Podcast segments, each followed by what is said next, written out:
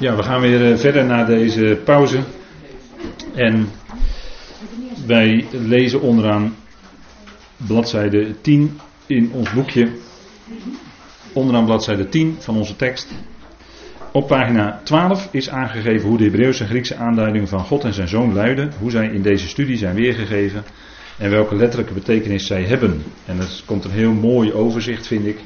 En dat zijn misschien dingen die u, waarvan u zegt van hé, hey, dat heb ik. Uh, lang geleden ook al eens uh, gelezen of gehoord of daarover een studie gevolgd. Nou, dan is het zeker goed om uh, te herhalen. He, ze, ze, zeggen in goed Nederlands repetitio est mater studiorum. Herhaling is de moeder van het leren. Ja.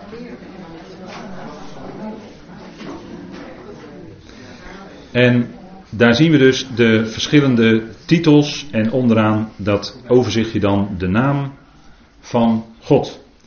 En als we kijken, ik heb het hier even op deze dia gezet voor u.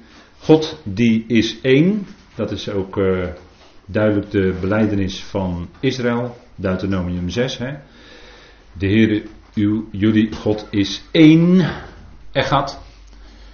Hij is één in doel, in handelen. Het is die ene God. Er is ook maar één God die werkelijk allerhoogste God is. En dat is de God en Vader van onze Heer Jezus Christus. En wat de schrift zegt is in Johannes 4, vers 24. En ik moet dat even ook uh, even erop wijzen. Verder op bladzijde 12, bijna onderaan, derde regel van onder staat. De Vader is als geest. Dan moet u het woordje als, dat is per buis erin gekomen. Dat woord als moet u even doorstrepen. Want dit is de letterlijke waarheid, om het zo maar te zeggen. Johannes 4, vers 24 zegt: God is geest. Dat woordje zijn staat niet in de grondtekst. En dat betekent dat dit de letterlijke waarheid is over God. God is geest. Dat is een wezen. En als zodanig is hij onhoorbaar en onzichtbaar. En de maar dat is even een heel klein zijspoortje en dat is verder niet zo belangrijk. Maar eh, zeg maar Joodse mystieke groepering noemen hem dan de Ensof, hè, de onbenaderbare, de onhoorbare, de onzichtbare. Maar goed, ik zeg het even. Wat wij in de schrift lezen is, hij is eeuw, en we, er wordt heel vaak uitgesproken eeuw. En dat is het gevolg van de interpunctie die, die de Mazoreten. De Mazoreten zijn een groep Joodse rabbies die in de. Ja, ergens, wanneer is het geweest? 8e, 9e eeuw hebben die allerlei puntjes en streepjes en noemen allemaal aan de Hebreeuwse tekst toegevoegd. Die stonden er oorspronkelijk niet. En dat was bedoeld voor de uitspraak. En Um, daarom wordt er altijd gezegd eeuw. Maar als je de Hebreeuwse letters uitspreekt, zoals die er staan in uw boekje, linksbovenaan, dan is het eigenlijk al. Want het bestaat uit de letter alef, dat is de A. want ja, net, net als in, we zeggen dan alfabet, dat is eigenlijk het alefbeet is het eigenlijk, het alfabet. Dan zeggen we al, AL, dus de alfa, of de, nou zeg ik het in het Grieks, Nee, de alef en de lamet, dat vormt de, letter, de tweeletterige titel van God, de Allerhoogste. Die wij mogen kennen als de God en Vader van onze Heer Jezus Christus. Die is geest.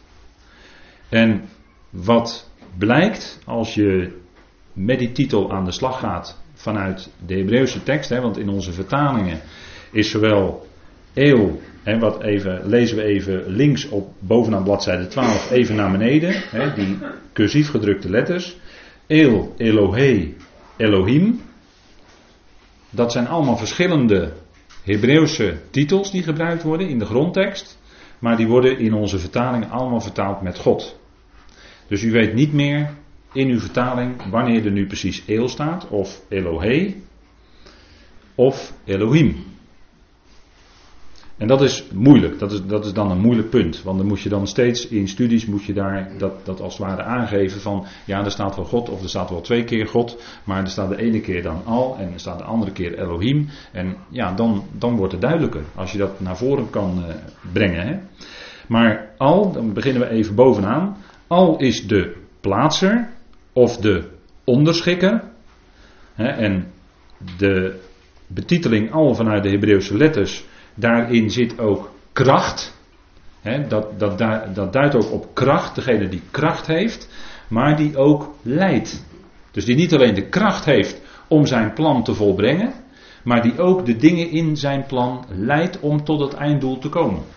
En dat leiden, dat leiden of sturing geven, dat zit dan in die letter lamet. Want dat is eigenlijk de herdersstaf, de herdersstok zou je kunnen zeggen, de lamet.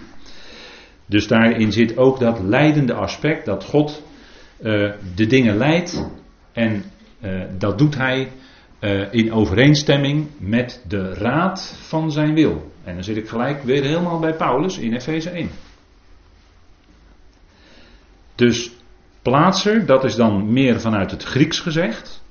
Hij die alles op de juiste plaats zet, Theos. Dat is degene die alles op de juiste plaats zet, de plaatser. Overeenkomstig zijn plan van de Ionen. En de onderschikker, dat is dan meer vanuit het Hebreeuws. Hij die daartoe alles onderschikt en die ook de kracht heeft om dat alles aan zich te onderschikken. En er wordt vaak vertaald onderwerpen, maar onderwerpen, dat, dat, dat woord in het Nederlands, dat wijst meer op, op iets dwingends. Maar onderschikken, in onderschikken zit een element, om het zo maar te zeggen, van vrijwilligheid. Dat je dus als, als schepsel van binnenuit, dat er in je hart gewerkt is, uh, liefde, dat je van binnenuit God wil, aan je aan God wil onderschikken. Dat, dat zit er een beetje in. Hè? En het, is ook niet uh, in, in, uh, ja, in, in, als we kijken in de Griekse schrift, dan eh, zijn er steeds uh, werkwoordsvormen die uh, aan de ene kant een stukje activiteit uitdrukken en aan de andere kant ook een stukje passiviteit. Want God werkt het in je en je onderschikt je. dat, zit, dat zit daar allebei in. En dat is eigenlijk heel wonderlijk dat het dan blijkt uit die werkwoordsvormen zoals die dan in de Griekse schrift staan. Steeds als het woord onderschikken wordt gebruikt. Elke keer is het aan de ene kant het actieve en aan de andere kant ook zit er ook een stukje passief. Eigenlijk zit het er tussenin. Tussen actief en passief in. Dus God werkt het in ons uit en daardoor, kunnen we en daardoor gaan we ons ook onderschikken. Zo, hè? Nou, ik denk dat dat punt is. Al, vaak wordt er uitgesproken eeuw. U weet hoe dat komt. En dan daaronder ziet u staan Elohe. En soms zeggen we ook Eloa.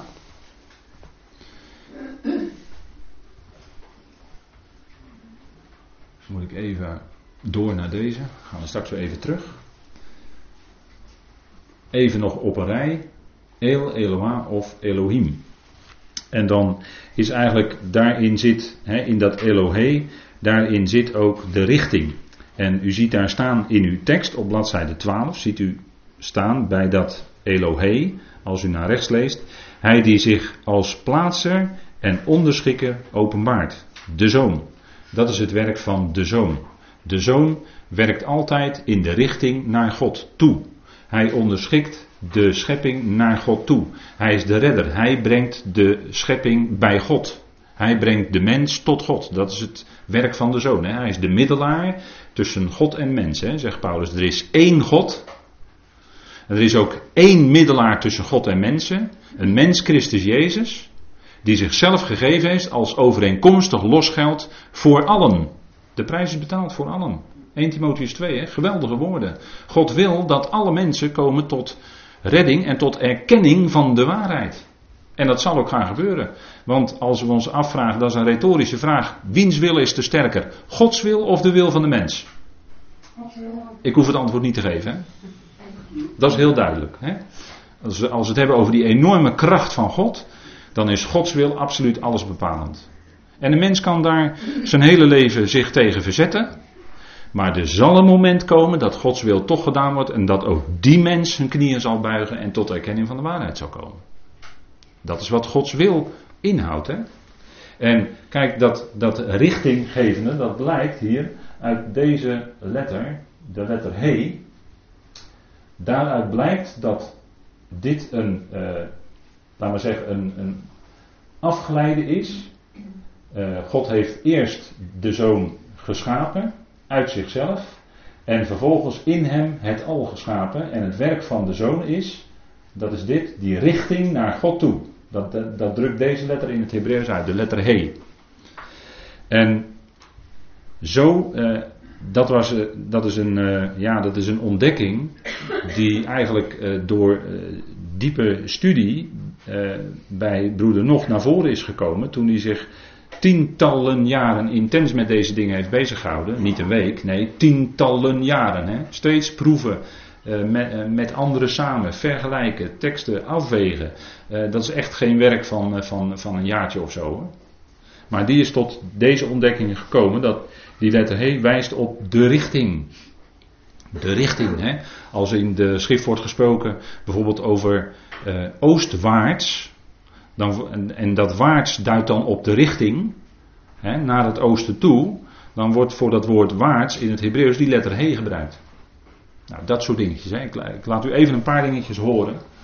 Um, en dat zijn bijzondere ontdekkingen. En dat is ook dan bij die titels van God naar voren gekomen. Dat, daarom maakt het heel bijzonder dat we deze dingen met elkaar mogen delen. ik vind dat heel bijzonder. En dan hebben we ook, wat, wat je wel vaker hoort, de titel Elohim, of uh, als ik die letters letterlijk overzet in Latijnse letters, Alueim, dat is het meervoud de onderschikkers. Dat zijn diegenen die, waarin de geest van Eel werkt, de geest van Al, van God, want God is geest, waarin die geest werkt om dat werk van onderschikking te doen. En dat doet hij, dat werk doet hij door middel van de zoon met een hoofdletter, Jezus, en dat doet hij door middel van zonen, Israël. De gemeente die het lichaam van Christus is. Daarin werkt hij met zijn geest en in die zin kan zelfs van Israël gezegd worden dat zij goden zijn, dat zij Elohim zijn. Dat zegt de schrift ook hoor. Dat zegt de schrift ook. En dat we ook als gemeenteleden, als zonen, in zekere zin ook goden zijn, hoe gek dat ook klinkt. Maar dan goden in de zin, daar moet u direct bij denken, onderschikkers. Dat we mogen meewerken in dat plan van onderschikking wat vader uitwerkt. Dus geen verkeerde gedachten daarbij. En dat is het werk wat we dan mogen doen. En dat, is, dat maakt het heel bijzonder. En dat wordt ook van uh, Israël gezegd. En misschien is dat goed om even met elkaar op te slaan in Psalm 82. Psalm 82.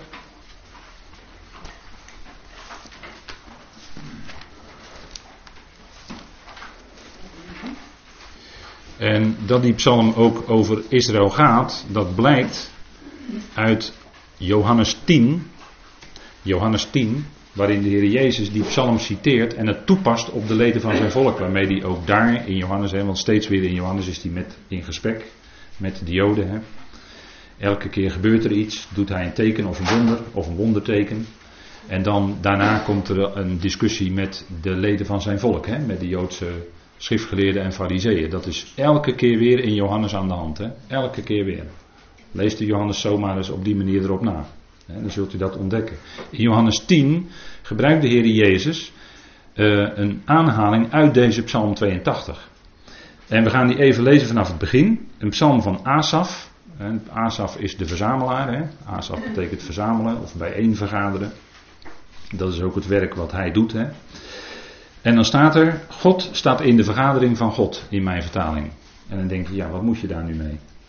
God staat in de vergadering van God.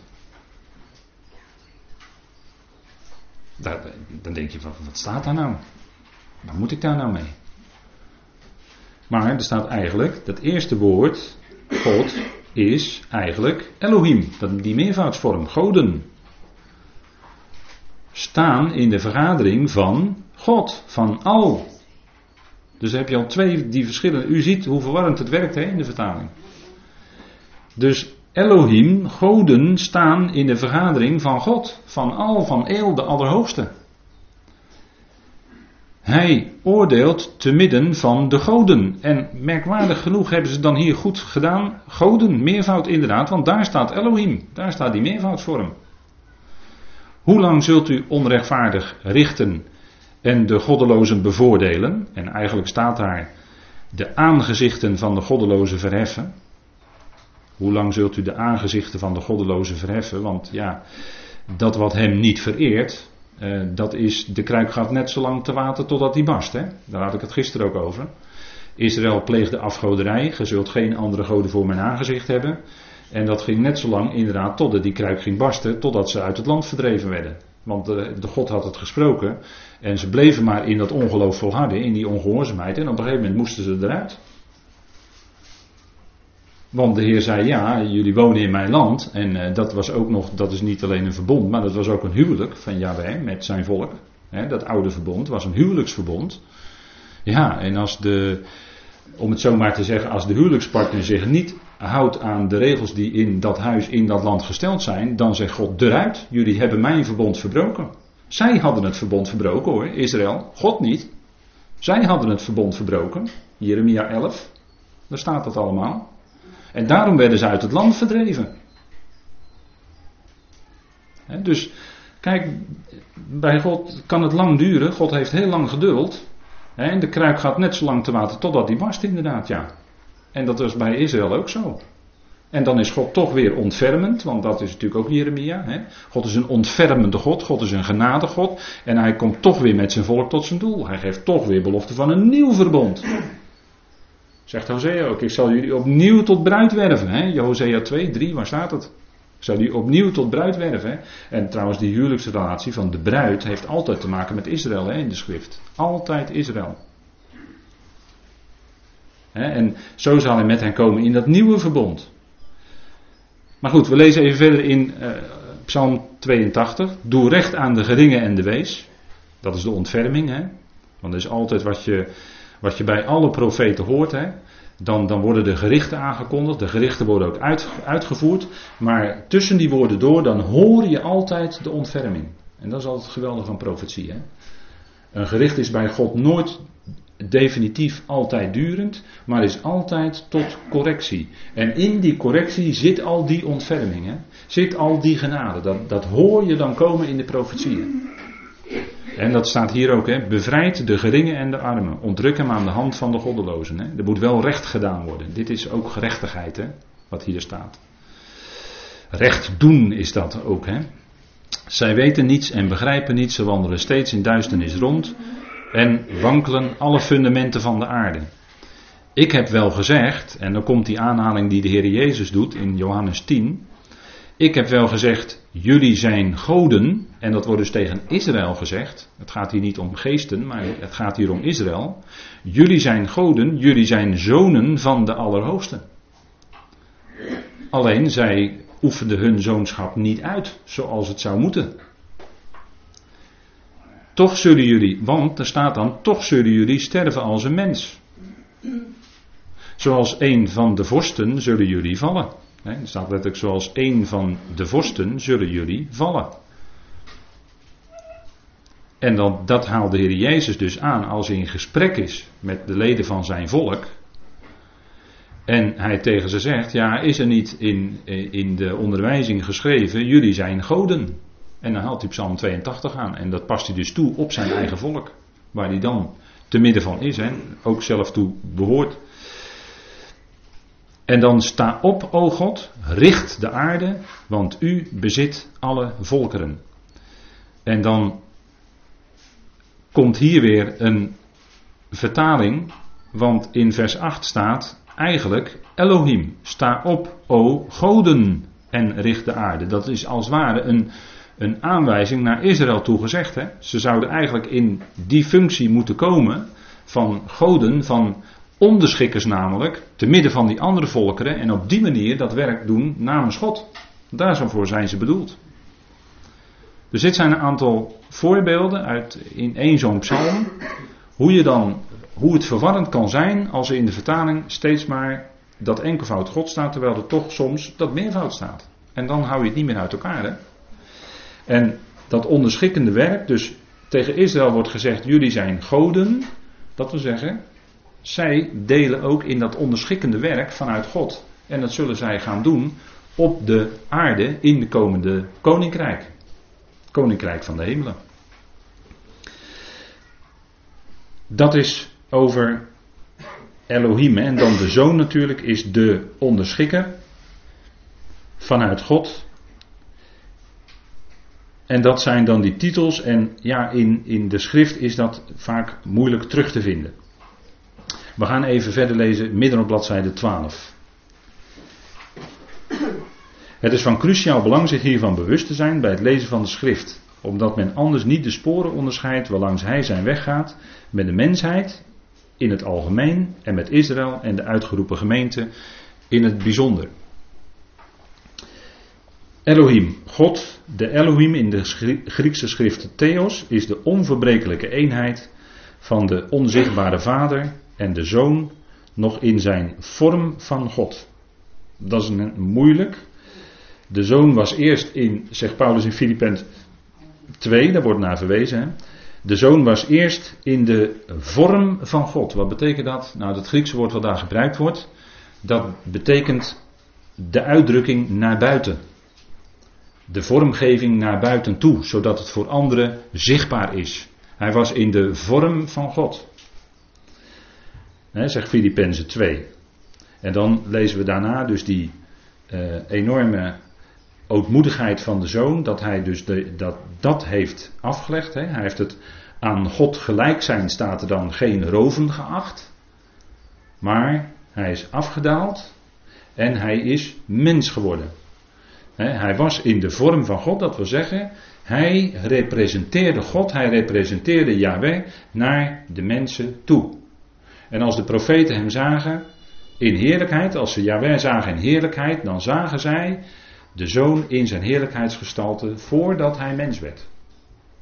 Dat betekent, hij was in de vorm van God. Vorm heeft te maken dus met die buitenste, die, die uitdrukking naar buiten toe. Hè. God wil zich bekendmaken aan zijn schepselen. En daartoe moet hij ook zichtbaar zijn, dus met de ogen. En hij moet ook hoorbaar zijn met de oren. Daarvoor hebben we tenslotte oren en ogen gekregen. En dat blijkt onder meer uit uh, bijvoorbeeld een bekende tekst, Jezaja 6. Laten we het even met elkaar opzoeken. Jezaja, hè, ons jaarthema zit daarin.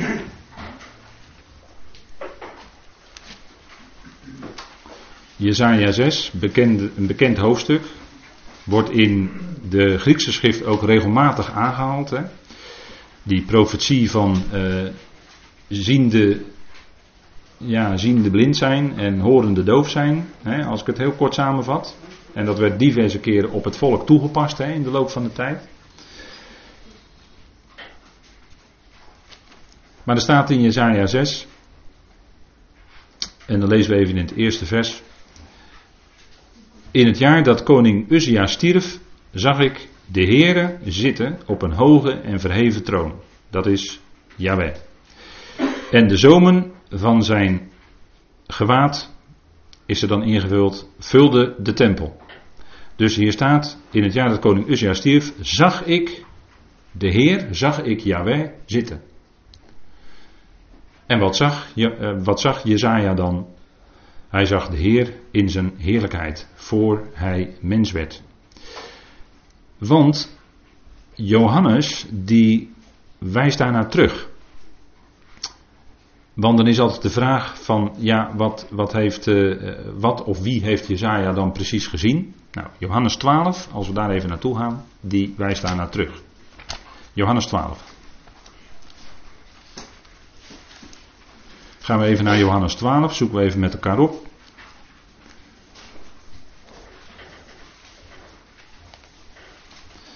Ook wel weer een heel bijzonder stukje, denk ik.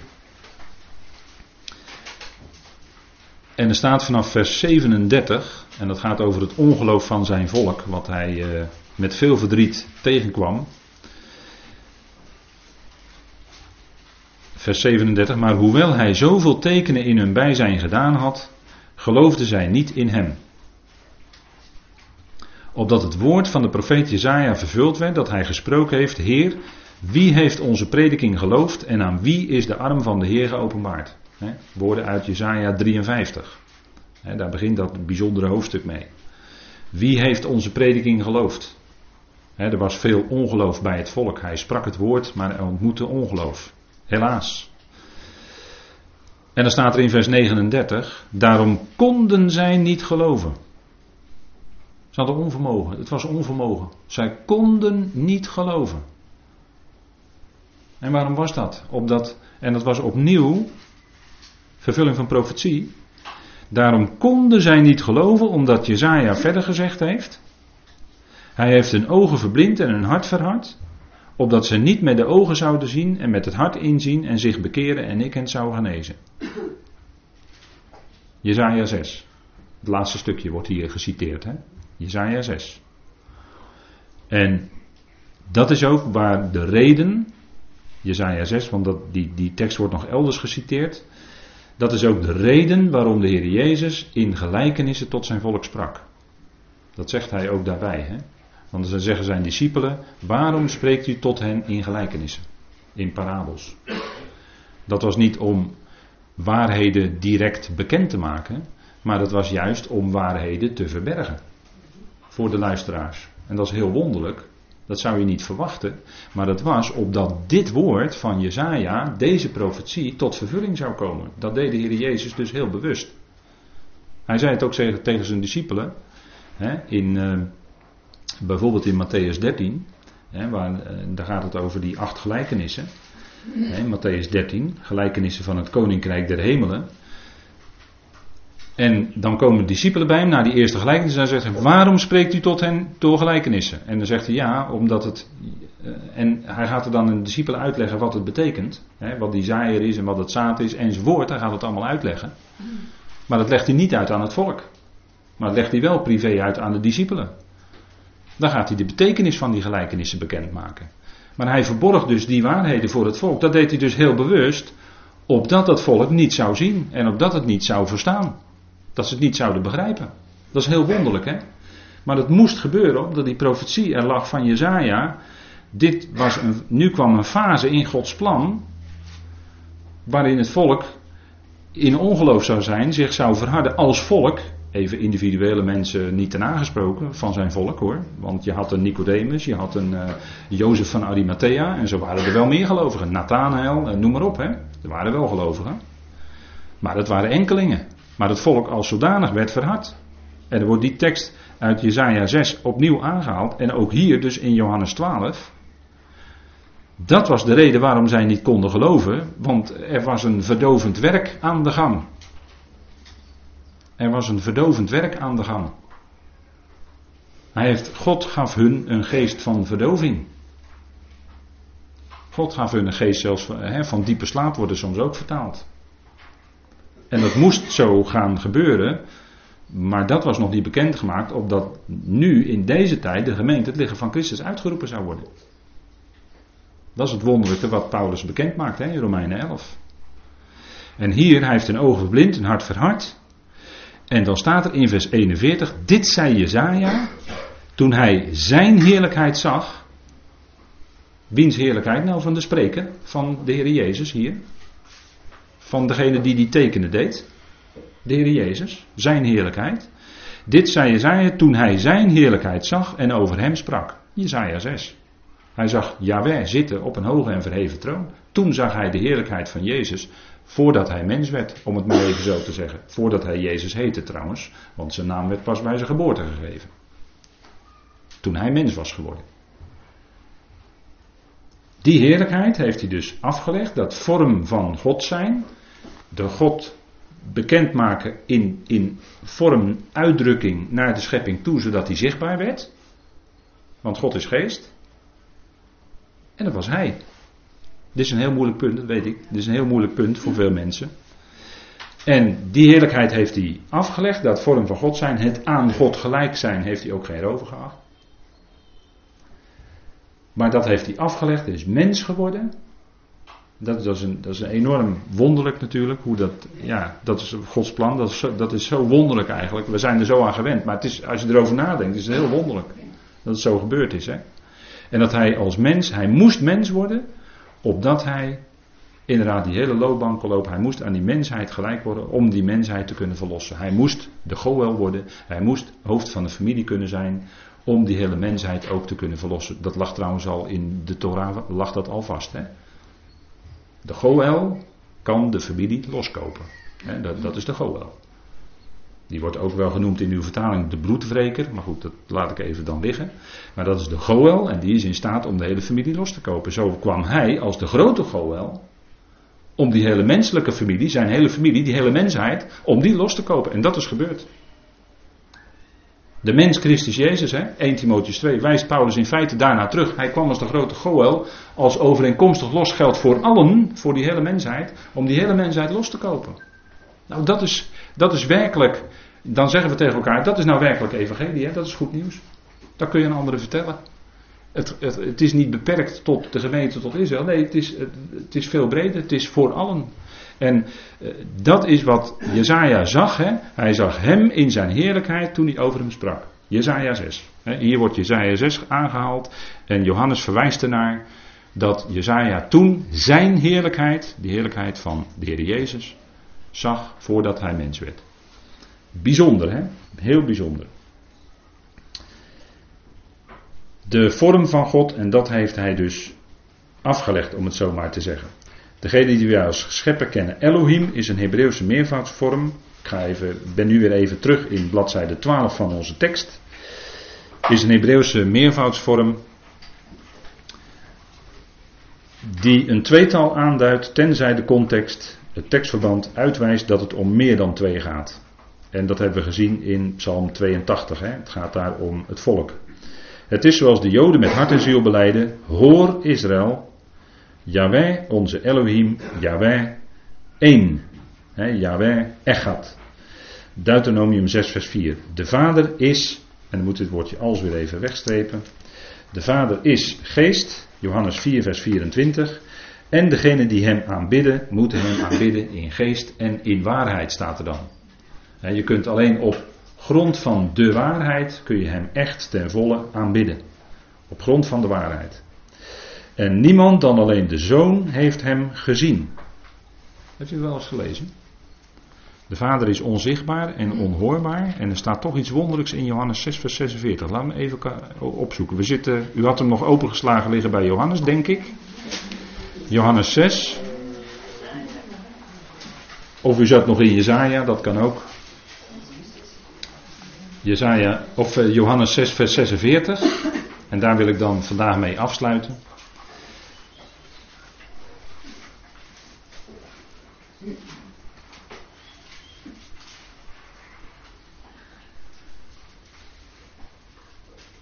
Lees ik even met u vanaf vers 44. Niemand kan tot mij komen, tenzij de Vader die mij gezonden heeft hem trekt. Ook maar goed om dat te beseffen. Hè? Ik zal hem doen opstaan op de uiterste dag, de laatste dag. Er is geschreven in de profeten en ze zullen allen door God onderwezen zijn. Ze zullen allen door God geleerd zijn. Nou, dat is toekomstmuziek nog voor het volk, hè? maar het zal zo zijn hoor. Ieder die dan die het van de Vader gehoord en geleerd heeft, komt tot mij. Niet dat iemand de Vader gezien heeft. Behalve hij die van God is. Hij heeft de Vader gezien. Kijk, dat is de Heer Jezus. Hij heeft de Vader gezien. Dat is heel wonderlijk, hè? En voor het woord zien staat ook daadwerkelijk dat hij, ja, dat hij inderdaad echt de Vader heeft gezien. Het, het, het Griekse woord hiervoor zien is daadwerkelijk het zien van, uh, ja, wij moeten dan zeggen van iets of van een object of wat dan ook, van iets, iets materieels. Hè? Zo moeten we dan voor ons als mensen begrijpbaar maken.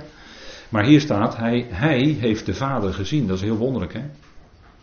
En toen ik dat in de voorbereiding eh, deze tekst eigenlijk las, toen vond ik dat heel wonderlijk en ben er eigenlijk nog niet over uitgedacht.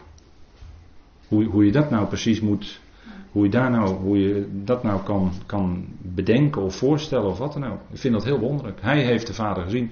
En in Johannes begint het met, niemand heeft ooit God gezien. Dat gaat over ons mensen. Hè? Niemand heeft ooit God gezien. Wij hebben nooit God gezien. Wij kunnen hem ook niet zien, want hij is geest. Maar hier staat heel wonderlijk dat de Heer Jezus hem dus wel gezien heeft. Nou, dat, dan sluiten we hiermee af. Dan kunt u daar verder vandaag eens over nadenken. Of misschien met elkaar nog over naspreken. Want dit is denk ik toch iets, iets bijzonders. Hè? Iets wonderlijks, zo'n zo'n woord. Hè? Staat ook bijna nergens anders in de schrift. Ik weet, zou niet, nu niet een andere plaats weten. Maar goed, dat zegt niks. Want er kunnen zomaar andere plaatsen tevoorschijn komen waar dat staat hoor. Dat, uh, maar op dit moment. Goed, we zullen de Heer danken. Vader, zo dank u dat toch ineens weer bijzondere dingen uit uw woord naar voren komen. Waar we misschien nog nooit zo direct begrepen hadden of gelezen hadden. Vader, dingen die heel wonderlijk zijn en waar we over na kunnen denken met elkaar. Waar we in het licht misschien van andere schriftplaatsen wat meer over te weten kunnen komen. Heer, dat u die ons hoofd bent, dat u Vader heeft gezien, dat is heel wonderlijk. Dank u dat we dit zo tot ons mogen krijgen en ook mogen leren opnieuw over uw naam en over de titels vanuit het Hebreeuws, vader, wat toch heel bijzonder is. Dat het te maken heeft met onderschikking, vader. Het grote einddoel van uw plan is onderschikking van allen. Vader, het geweldige dat allen de knieën zullen buigen voor u. Door het werk van uw geliefde zoon. Vader, dank u wel dat we zo over u in deze week mogen nadenken aan de hand van de schrift. Vader, wat u zegt, het is zo wonderlijk en Vader wil ons maar misschien iets daarvan duidelijk maken als u dat wil geven. Dank u wel dat we zo weer vanmorgen weer een moment bij elkaar konden zijn om ons in deze dingen te verdiepen. Vader, en dank u wel voor de rijkdom van uw woord, voor wie u bent. Vader, dat we weer facetjes mogen zien van u. Dank u wel, Heer, dat u ook dat zo in ons leven wil uitwerken. En dank u dat u ook in ons leven bezig bent als die grote pottenbakker. Die ons vormt, zodat we omgevormd worden naar het beeld van uw zoon, Vader. Dat is het werk dat u doet in ons, aan ons, in deze tijd. Dank u voor het werk wat u doet door dat u de gemeente uitroept. Dat u bezig bent met die roeping van het lichaam van Christus.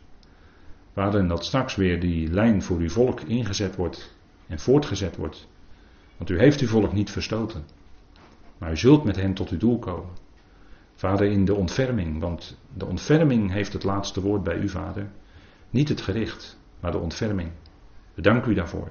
We danken u dat u zo'n groot God bent, dat we u zo steeds beter mogen leren kennen.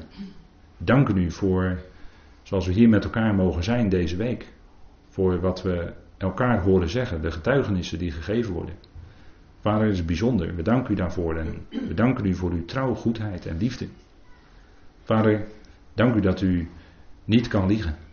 Dank u dat u niet ontrouw kunt zijn. Maar u spreekt waarheid en u bent trouw daaraan. En u zal alles vervullen wat u beloofd heeft. Dank u wel dat we daar troost en moed uit mogen putten, Vader. Dat u ons bemoedigt en versterkt. Vader, dank u wel voor zodat we hier dit moment gezamenlijk mochten beleven vanmorgen. En ook het verdere van deze dag, Vader, wees ons genadig nabij in alles wat we mogen doen. Wat onze wegen ook zijn vandaag, Heer. U kent ons, u hebt ons lief en leidt ons. En we danken dat we aan uw liefdevolle hand mogen gaan. Vader, daar dank u voor. In die machtige naam van uw geliefde Zoon, onze Heer Christus Jezus. Amen.